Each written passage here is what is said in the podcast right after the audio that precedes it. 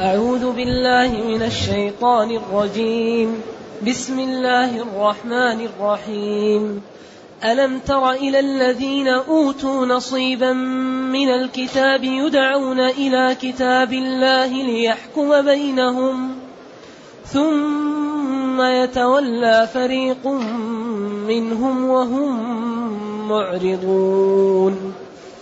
ذلك بأنهم قالوا لن تمسنا النار إلا أياما معدودات وغرهم في دينهم ما كانوا يفترون فكيف إذا جمعناهم ليوم لا ريب فيه ووفيت كل نفس ما كسبت وهم لا يظلمون.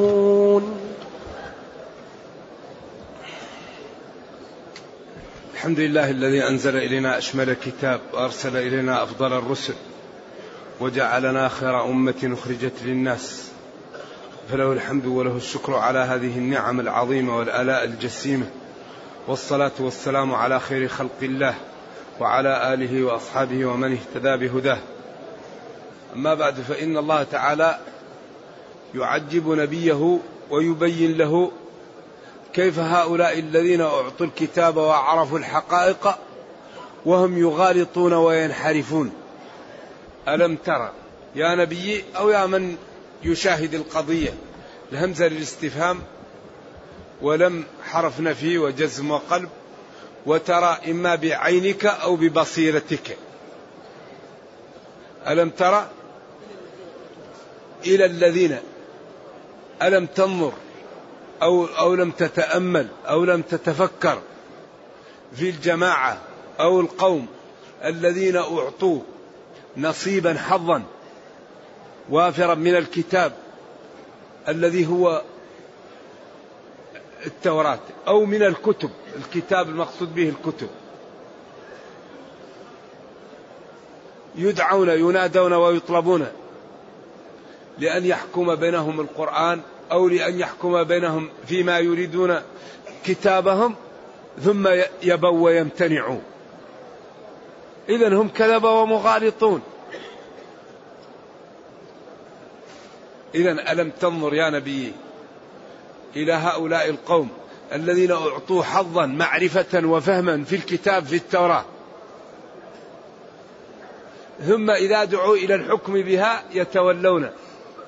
سواء كان ذلك في قضية مجيء وفد نجران. وقالوا إن إبراهيم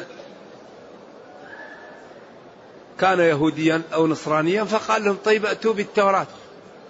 فلم يستطيعوا.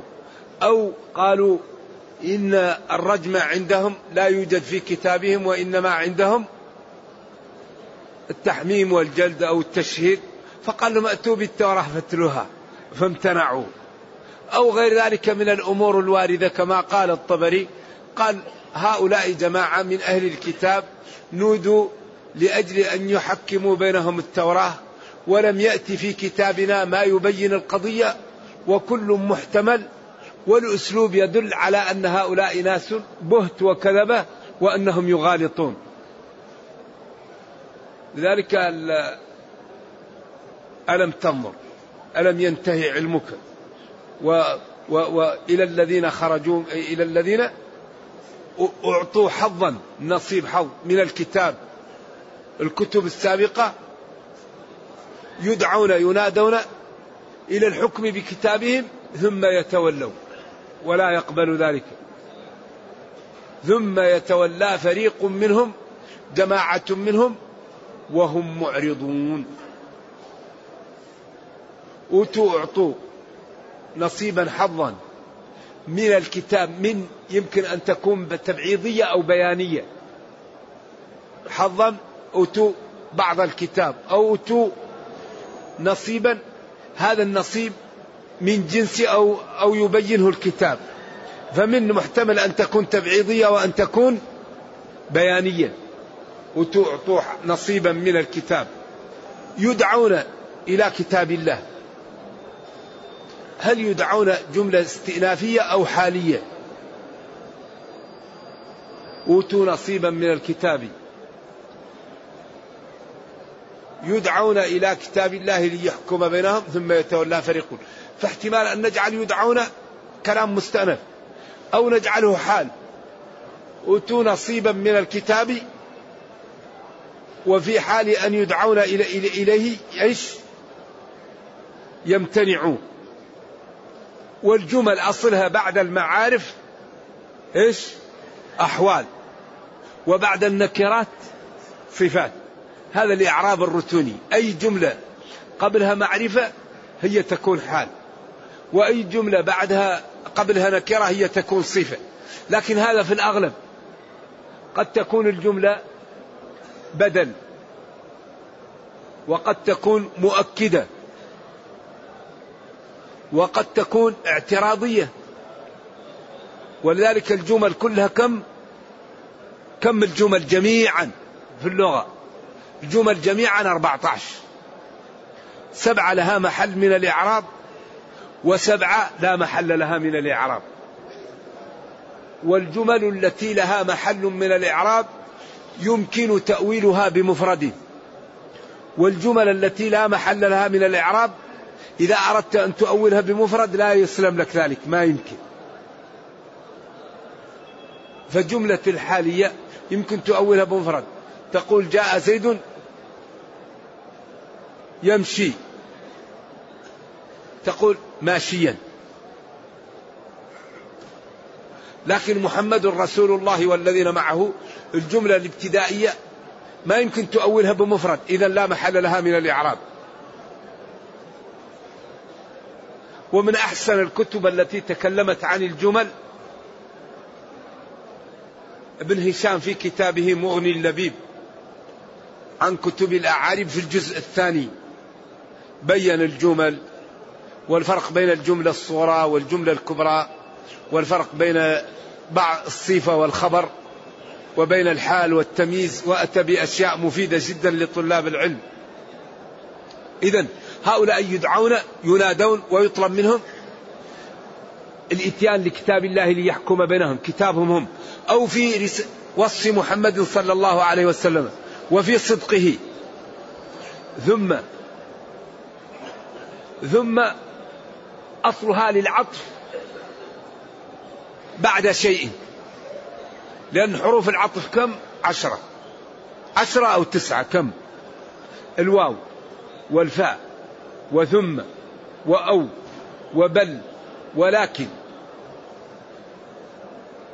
فثم فائدتها أن العطف بعد العطف بعد هذا يكون بتراخي. ما تقول جاء زيد ثم عمرو يعني عمرو جاء بعد زيد بمدة.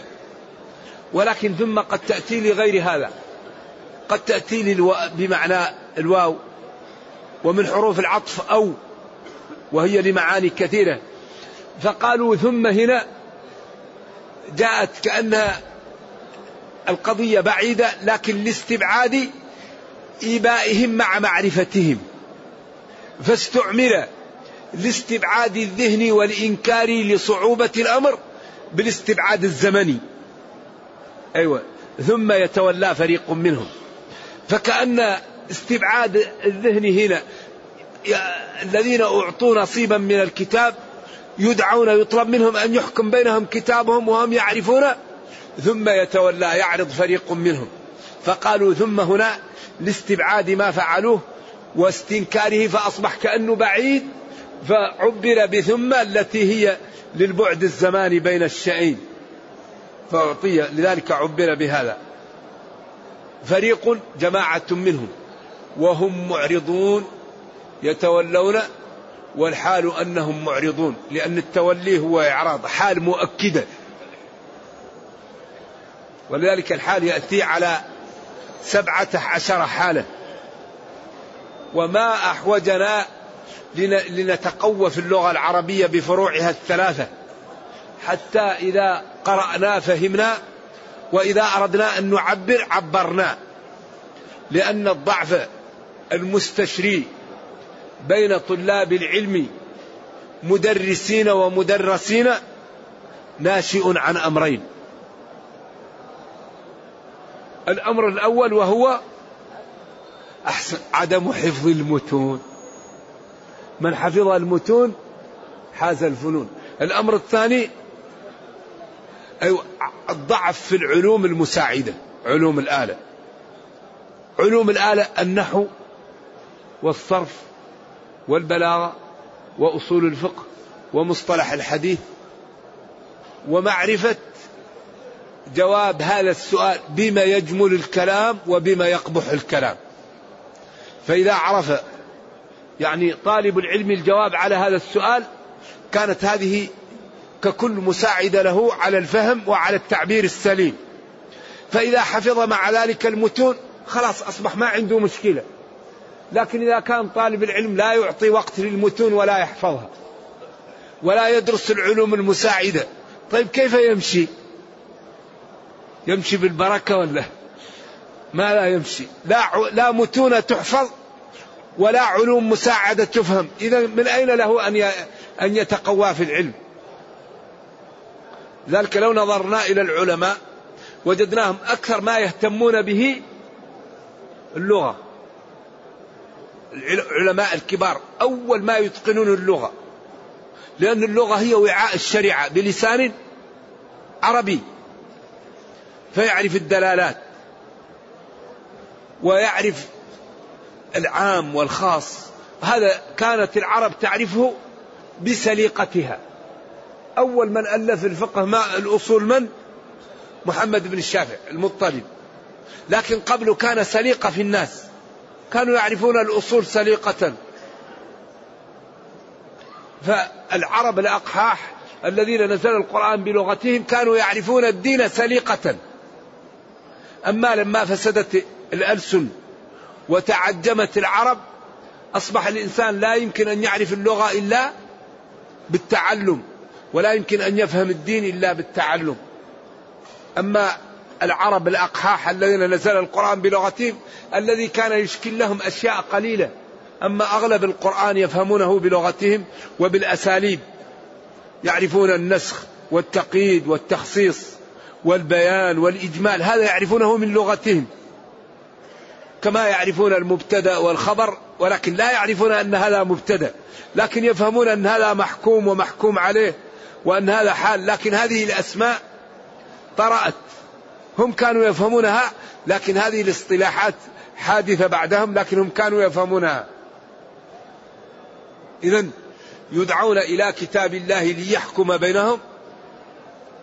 يدعون إلى كتاب الله إلى التوراة ليحكم بينهم فيما يختلفون ثم يتولى يمتنع فريق منهم والحال أنهم بذلك معرضون عن الحق عارفون له وهذا عيب وإزراء على من كان من أهل الكتاب بين ظهراني أهل المدينة. ذلك الأمر أو الأمر ذلك الذي حصل بهم بسبب أنهم قالوا لن تمسنا النار إلا أياما معدودة. الذي جرأهم على ذلك أنهم قالوا نحن أبناء الله وأحباؤه ونحن أبناء الرسل ولن ندخل جهنم إلا تحلة للقسم أو مدة عبادتنا للعجل أربعين يوما أو سبعة أيام على ما قالوا.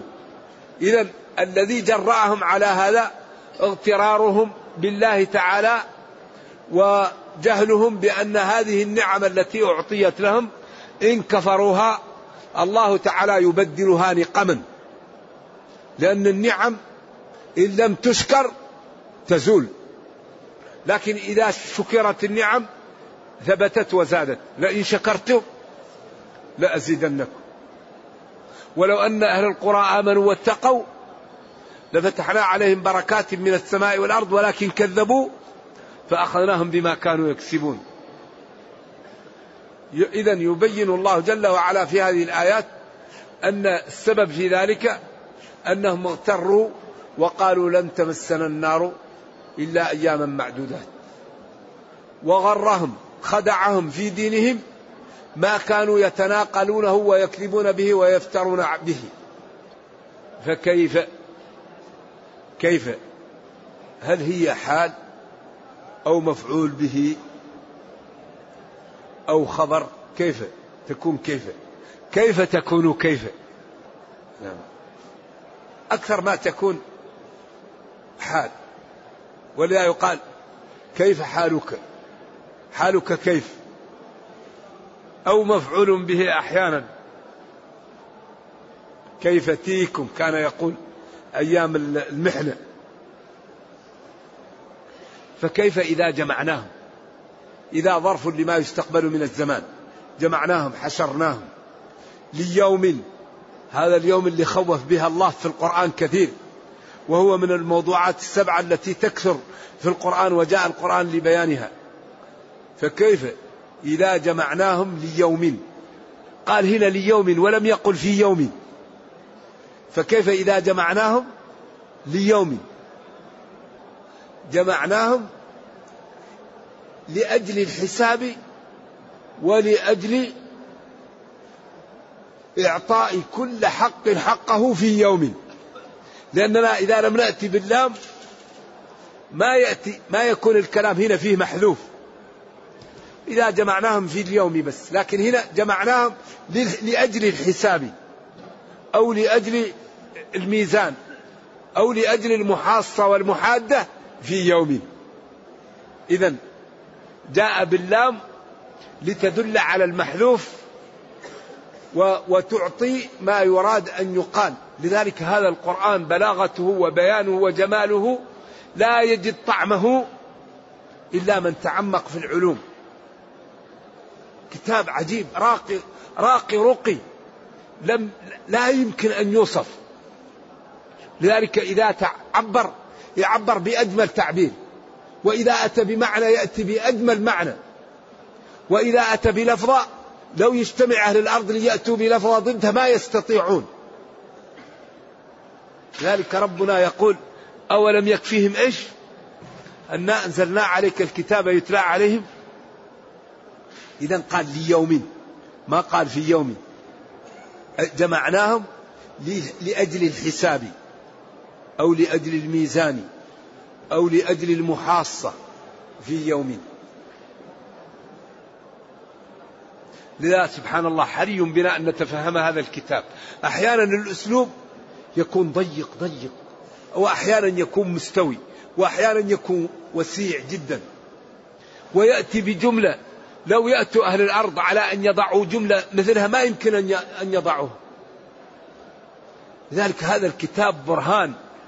ساطع على وحدانية الله وعلى رسالة النبي صلى الله عليه وسلم وعلى صدق هذا الدين إلى قيام الساعة.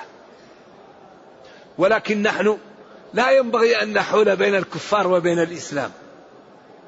المسلمون لا ينبغي أن ي... لا يعملوا بالدين حتى ينفروا غير المسلمين من الإسلام. لأن إحنا ينبغي أن نتمثل الدين. فإذا تمثلنا الدين أظهرنا جماله للناس. وأظهرنا حسنه وصدقه ونزاهته وجماله. أما إذا ابتعد المسلمون عن الإسلام كان ذلك تنفيرا لغير المسلمين عن الدخول في الإسلام. فحذاري حذاري أن كل واحد منا يلتزم بالدين وبالأخص من يعيش مع غير المسلمين. المسؤولية على الأقليات التي تعيش في بلاد الكفر عظيمة وجسيمة لأنهم هم إذا عملوا بالدين أظهروا للناس جمال الدين وإذا صاروا يغشون ويكذبون ويأذون الكفار قال الكفار دينهم دين فاسد لأنه يأمرهم بالغش والكذب والخديعة فنفروا الكفار من الدين بسبب أعمالهم. إذا ربنا يقول ربنا لا تجعلنا فتنة. أي لا تجعل عملك فينا سببا في صد غير المسلمين عن الدخول في الإسلام. فحذاري حذاري من كل مسلم يعيش بين ظهران الكفار أن يغشهم أو يكذب عليهم أو يخدعهم أو يسرق أموالهم أو يترك الصلاة أمامهم أو يشرب الخمر أمامهم أو يأكل لحم الخنزير أو يختلي بالمحارم بالأجنبيات. إنما يكون متقيا ويظهر لهم جمال الدين ويكرمهم ويقول ديني أمرني أن نكرم جيراني. ديني يمنعني أن نأكل الحرام. ديني يمنعني أن ننظر. ويظهر الدين ويكون حياته دعوة للدين. وكل ما خالط الإنسان يقول ديني يمنعني ديني يأمرني. وبعدين ندفع ضريبة ديننا الذي عنده بيت يدفع ضريبة الذي عنده سيارة الذي عنده ولد إذا مرض يعالجه الذي عنده كل شيء. طيب لما لا ندفع لديننا ولأمتنا؟ ندفع لأنفسنا ولأموالنا. طيب ما ندفع لديننا؟ لا ينبغي أن يكون المال والنفس أحب من الدين. إنما أموالكم وأولادكم والله عنده ما تجدون من المتع في المال والولد أعظم منه ما عند الله من الأجر. لو اتقينا الله في المال والولد. إذا هؤلاء فكيف حالهم؟ وكيف وضعهم؟ وكيف يعني تحسرهم؟ وكيف فضيحتهم؟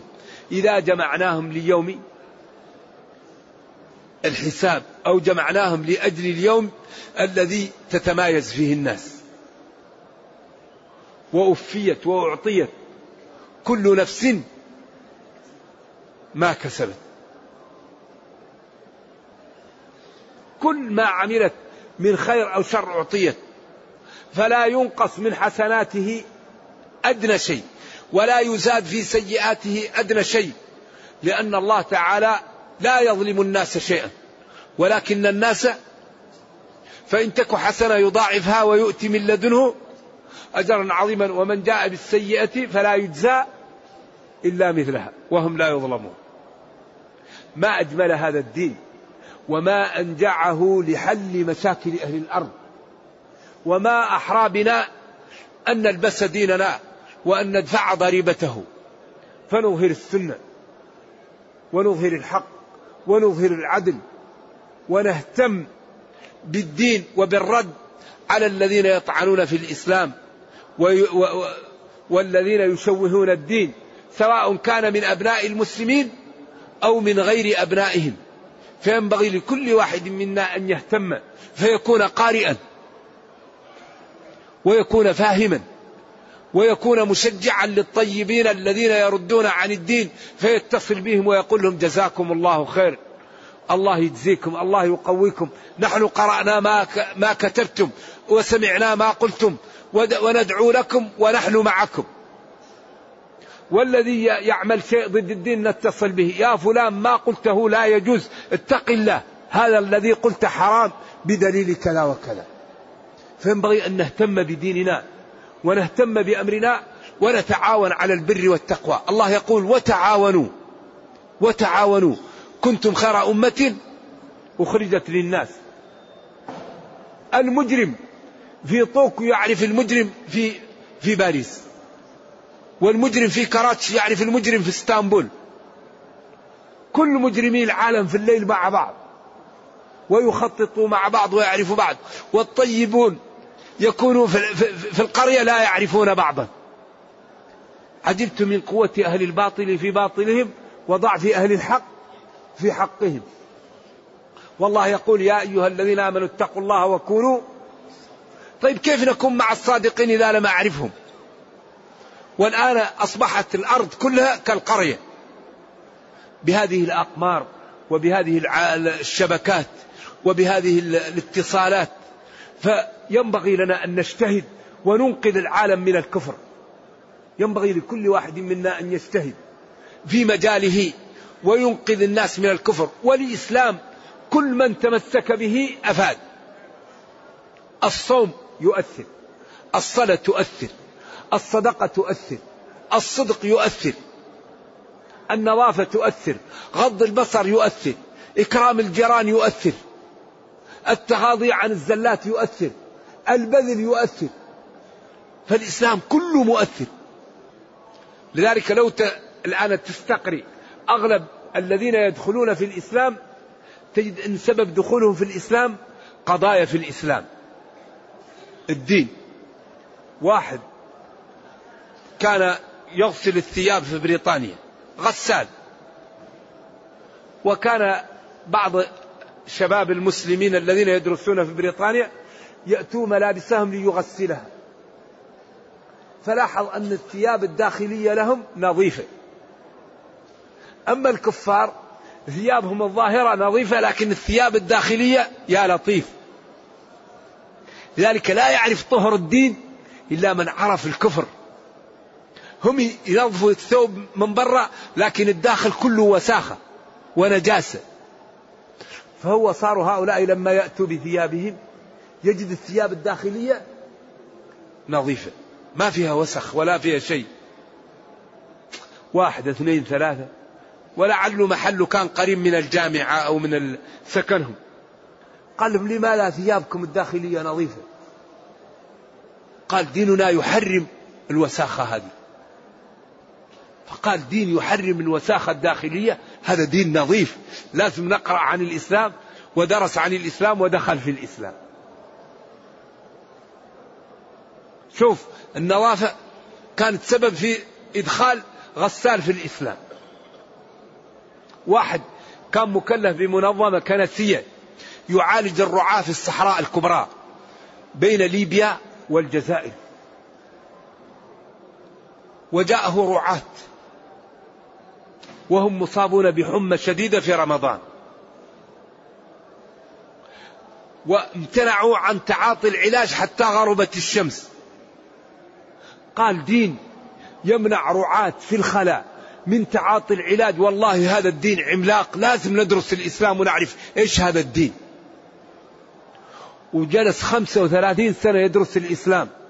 وهو طبيب ألماني وبعد 35 سنة أسلم وجاء حاجا مع وفد من ألمانيا وكل وكلفت بصحبته في الحج. فكان يقول أنا سبب إسلامي فضل الله وكرمه علي ثم أولئك الرعاة الذي جاءوني مصابون بالحمة في رمضان وامتنعوا عن تعاطي العلاج حتى غربت الشمس. إذا الدين كله دعوة فالصوم دعوة والصلاة دعوة والصدق دعوة واللطف بالضعيف دعوة وإكرام الجيران دعوة وإكرام الأيتام دعوة والتغاضي عن زلات الإخوان دعوة. فالإسلام كله دعوة. لذلك هم الآن أهم شيء يشغلون عن فهم الإسلام ويشغلون بإيش؟ بالقنوات هذه اللي الله يكفينا شرها. بعضها يقال له دريم وبعضها يقال له كليب وبعضها يقال له ماذا؟ روتانا. بحيث إذا رآها الشيطان قال لأصحابها اتقوا الله. أرجو الله السلام والعافية. وبعدين الشاب إذا رأى هذه القنوات وهذه ماذا يفعل؟ مسكين. وعنده شهوة وعنده قلة علم. وعنده يعني نشاط. لذلك ينبغي أن نتعاون على البر وتعاونوا على البر وينبغي لمن له مقدرة ومن عنده جدة أن تفتح قنوات إسلامية معتدلة تبين الإسلام الصافي وتكون متخصصة في رد من يحاول أن يصطاد في الماء العكر ويلعب على المسلمين. ما أحوجنا لقنوات جادة تبين هذا الدين وتوضحه.